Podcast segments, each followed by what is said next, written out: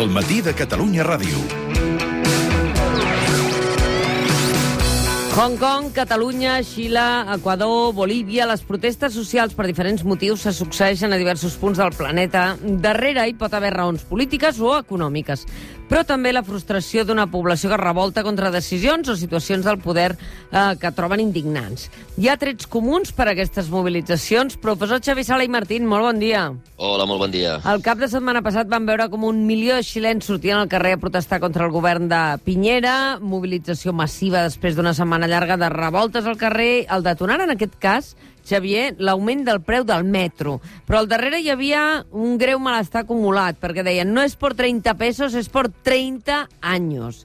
Aquestes crisis, aquestes crisis socials, que a més a més treuen al carrer la classe mitja, ens està enviant un missatge des del punt de vista econòmic? Jo no sé si la, això té a veure amb l'economia.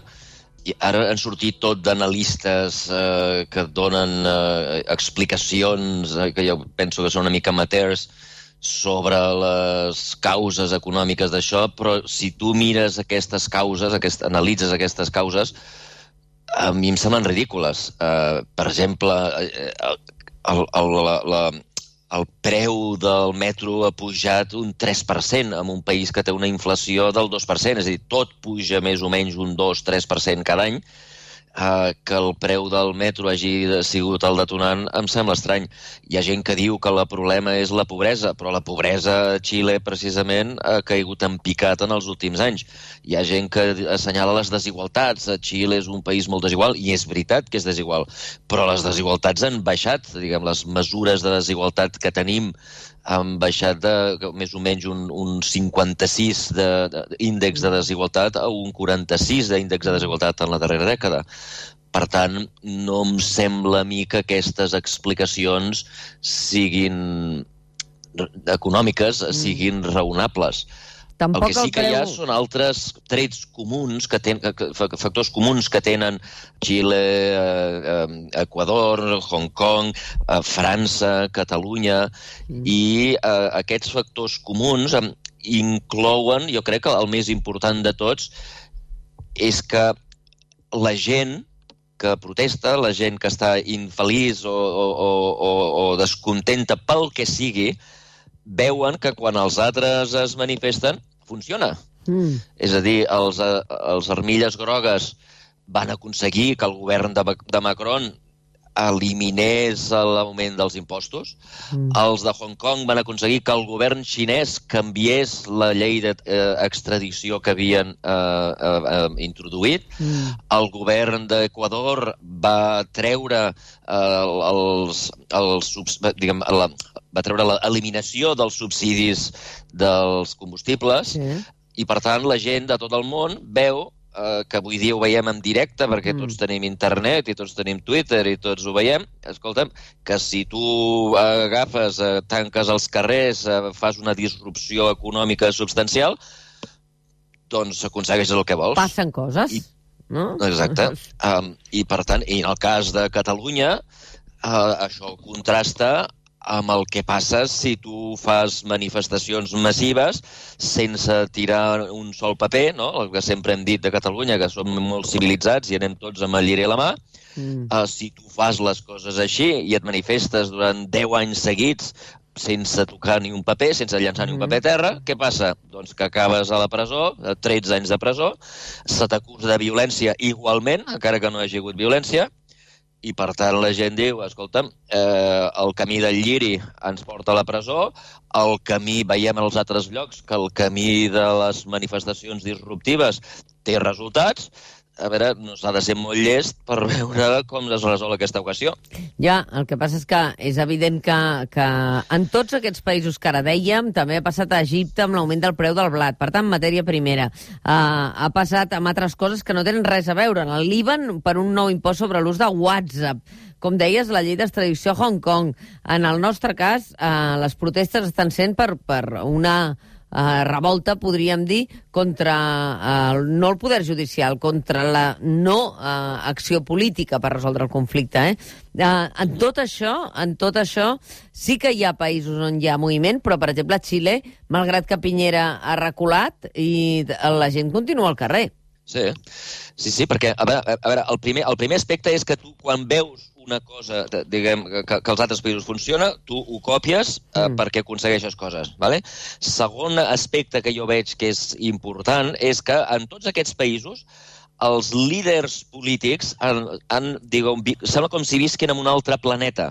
Eh? Prenen decisions que potser des del punt de vista seu poden semblar correctes, però sense tenir en compte com reaccionarà la gent. Mm. De fet, aquest és un debat que jo, un, una discussió que jo fa molts anys que tinc amb, el, amb els líders del Fons Monetari Internacional, mm. que, com sabeu, eh, diguem, fa molts anys que estem, estem brallats.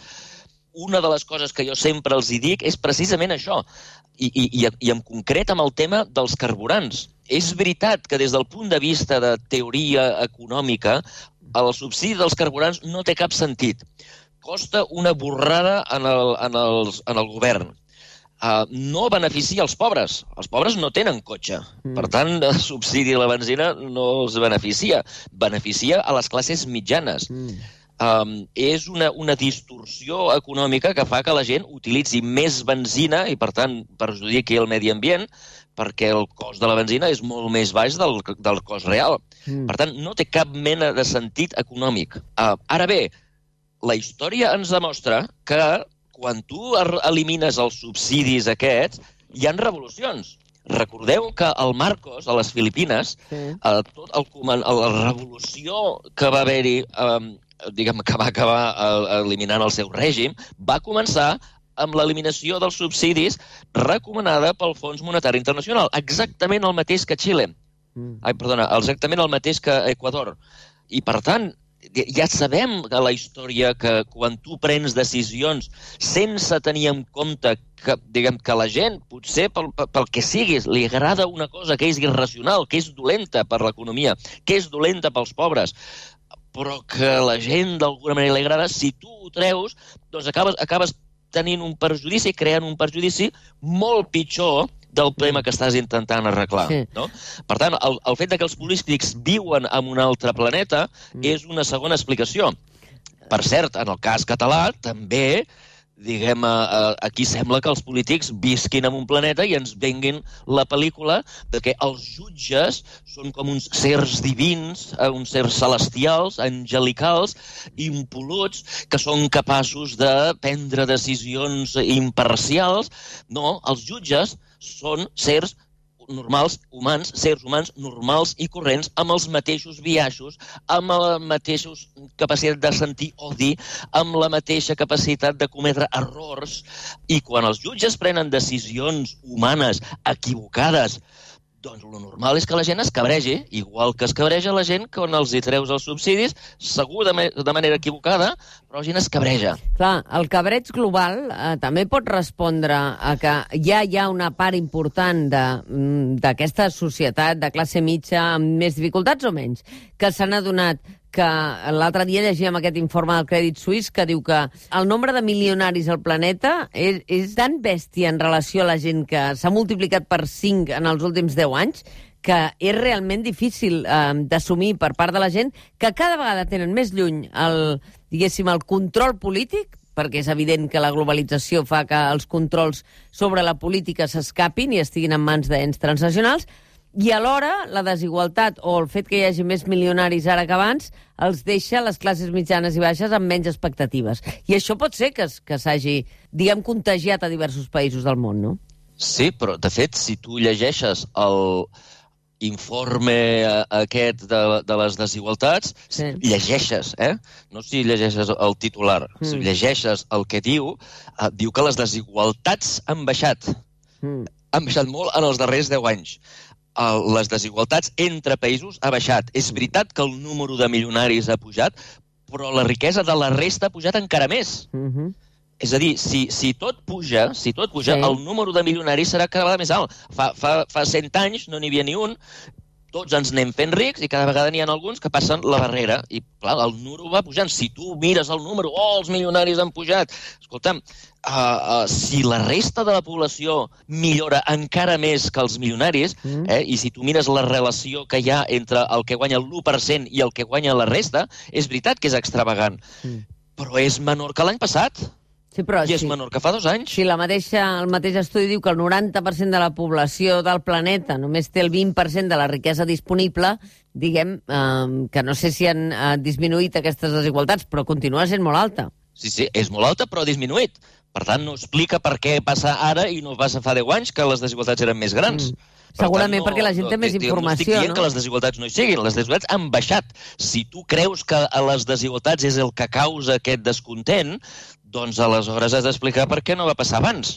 Eh? I llavors hi ha aquestes altres explicacions. Um, una de les coses que sí que passa, que jo crec que és més important que les desigualtats, és que si tu et fixes als països on passa això, la mobilitat social és bastant reduïda. Uh -huh. És a dir, la gent no veu... Una cosa és la desigualtat, eh? eh? Hi ha rics i pobres, però si tu tens la possibilitat de convertir-te en ric, si tu ets pobre i tens la capacitat de pujar, mobilitat social, doncs això no crea tant descontent. El que crea descontent és que hi hagi desigualtats i els que estan a baix no vegin cap possibilitat de pujar. Uh -huh. Eh? I això és el que anomenem eh, manca de mobilitat social. A Xile, eh, de fet, a tota Amèrica Llatina, eh, des, de, des de que van arribar els espanyols eh, fins ara, hi ha una elit econòmica, que són els descendents dels espanyols, que, diguem, és inamovible. I, a més, allà es veu clarament perquè són d'una raça diferent, eh? són els blancs. Mm. Um, els, els ministres, tots els ministres de tots els governs, eh? els d'esquerres, els de dretes, tots han anat a tres o quatre instituts de Santiago, els mateixos. Tots per, pertanyen als mateixos clubs de golf. Eh? I els que són d'una raça diferent, d'una classe diferent, no tenen cap possibilitat de pujar. Ho veuen que no tenen cap possibilitat de pujar. Mm -hmm. I això és el que els revela.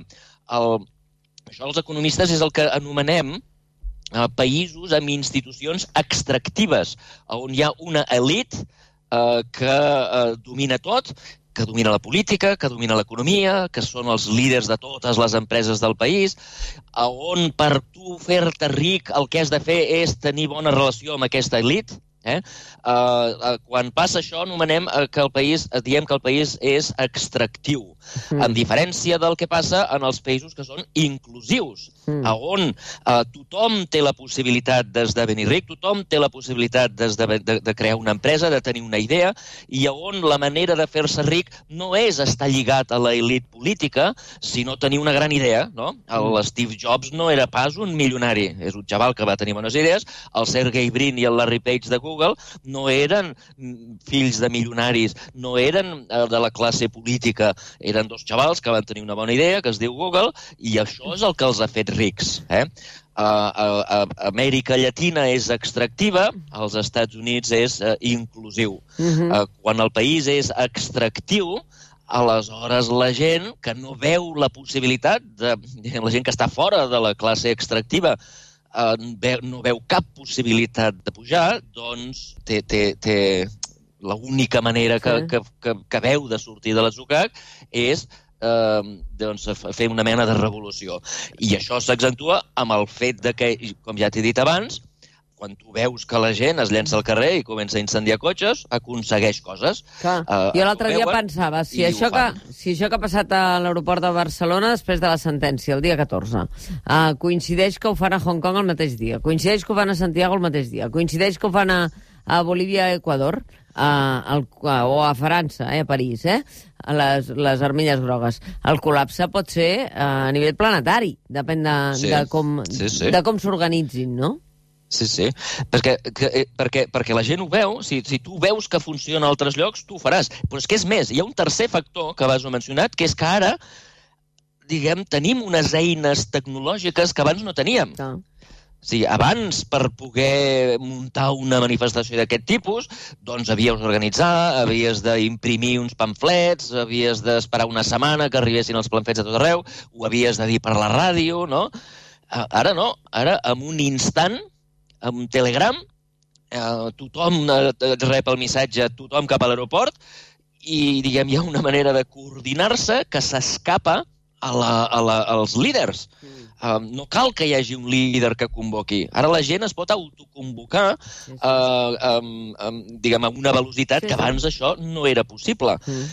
I, per tant, la gent ho fa servir de sobte ha aparegut aquesta tecnologia. Per cert, Telegram és una tecnologia que van eh, inventar dos, eh, di, eh, diguem, dissidents de Putin, Russos. eh, dos russos eh, cabrejats amb, la, amb el govern de Putin, van marxar del país i van crear Telegram, un sistema totalment encriptat que la policia no pot desxifrar, la policia no pot veure, i que, per tant, eh, diguem, és, eh, és, és un, un canal que la gent pot fer servir de manera més o menys segura, encara que el Marlaska digui que ja, eh, diguem, que els enganxarem i que tal i qual, eh, diguem, jo crec que és impossible que els enganxin, i, entre altres coses, perquè segur que no estan a, a, Catalunya, segur que no estan al país, i, per tant, el que, fan, el que fan aquesta gent és utilitzar les eines disponibles per coordinar-se Mhm. D'una manera molt més eficient que la policia tradicional no pot controlar. No, per això... Ah, I per, això per, és en part del que els hi dona l'èxit. per això deia que uh, si una de les coses que, que s'està dient, no? que les protestes sostingudes, aquesta desobediència civil, acabi forçant l'Estat a negociar, si l'impacte d'aquestes protestes uh, coordinadament amb d'altres d'altres països arriba a, a generar un problema a nivell internacional, aleshores la pressió uh, es multiplica per 10, no? Sí, sí. Per trobar sí, una sí, solució sí, és- política, vull dir. o, o per marxar, diguem, a, a, molt sovint a la, els objectius, en el cas de la independència, no s'aconsegueixen amb la negociació. Uh, diguem, la URSS no va negociar la sortida d'Estònia. L'Estònia va marxar i punt, i, i la URSS va ser incapaç de controlar-ho. Uh, diguem, si, si... Jo no sé si l'objectiu últim dels independentistes ha de ser negociar. Um, no sé, um, però en qualsevol cas, en qualsevol cas, per aconseguir els seus objectius, em sembla que cada vegada és més clar que la història recent ens mostra, la història recent de tot el món, ens mostra que, escolta'm, si tu disrupciones l'economia com han fet els armilles grogues, com han fet els uh, equatorians, com han fet els xilens, com han fet a Hong Kong, com han fet a tot arreu, escolta, funciona. Si vas amb el lliri a mà, acabes a la presó, eh, disrupciones l'economia, funciona, escolta'm, el camí em sembla que està clar. Uh Mhm. -huh. la, és normal que la gent pensi que, la, que, que el lliri s'ha acabat i que hem d'anar a la, a la a la mobilització permanent, disruptiva, perquè quan vegin que l'economia els, se'ls hi en va de les mans, doncs tindran un problema. Que això no vol I és dir més, que, eh, l'economia se'ls hi anirà de les mans encara més, Que això... eh? perquè ara ja m'agradarà veure la reacció que tindran els ciutadans espanyols, els ciutadans espanyols, quan el govern espanyol hagi d'implementar la, diguem, la carta que acaben de rebre de la Unió Europea que els força a fer retallades per valor aproximat de 6.000 milions d'euros. Mhm. Aquestes retallades, que tindran un impacte sobre els hospitals de Sevilla, sobre les escoles de Madrid eh, i sobre els ciutadans de Galícia, Sí. aviam com, eh, com reaccionaran amb Mhm. aquestes retallades. I, I aquesta gent que estarà emprenyada també tindrà Instagram, també veurà que si els armilles grogues han aconseguit revertir les retallades eh, i les pujades d'impostos, eh, doncs, eh, doncs, com que veuen que ells els hi funciona, tenen les eines i tenen el cabreig, doncs um, ja veurem com reacciona l'estat espanyol quan es comencin a incendiar totes les altres ciutats del seu país. Quedi clar que uh, Xavier Sala i Martín està parlant de la desobediència civil uh, i no de la violència, eh? Uh, sí, jo estic parlant de la, clar, no, no estic parlant de, de la violència, tot i que, uh, diguem, a Xile uh, hi ha hagut morts. Sí, sí, sí, Eh? sí, sí. Uh, I a Equador hi ha hagut morts. Diguem, jo el que parlo, jo, jo no estic recomanant res, jo estic observant el que passa al món i en alguns d'aquests països hi ha desobediència civil i en altres països hi ha violència... Directament, sí, sí. Uh, uh, diguem, han sortit els militars a Xile eh, i han Sí, sí. disparat contra la gent. Uh, el que passa és que, digue, insisteixo, si tu veus que quan altres països ha funcionat, uh, doncs, escolta'm, tu ho fas. Jo no recomano que hi hagi ni violència, ni, ni desobediència, ni res. Jo et dic, mira, uh, si tu veus que l'altre lloc funciona, tu tens unes eines que funcionen uh, i tens uns greuges que veus que per la via normal no se solucionaran, diguem, no s'ha de ser molt llest per veure co quina, Mhm. com se soluciona aquesta equació. Uh, la gent sortirà al carrer i en alguns països sortiran al carrer i incendiaran containers i en altres països surten al carrer i disparen a la gent. I en alguns països la policia reacciona civilitzadament i en els altres la policia treuen l'exèrcit i maten a, a ciutadans. Um, això és el que jo observo. Veurem uh, com evoluciona, perquè la mirada global sobre aquest uh, fenomen, uh, aquesta segona part de l'informe de Xavier Sala i Martín, perquè la setmana anterior, fa un parell de setmanes, en vam parlar i teníem ganes de, de tenir també aquesta mirada més global sobre el que està passant al planeta. Xavier Sala i Martín, moltes gràcies, que tinguis un bon dia. Vale, moltes gràcies a vosaltres, bon dia. Que vagi, eh?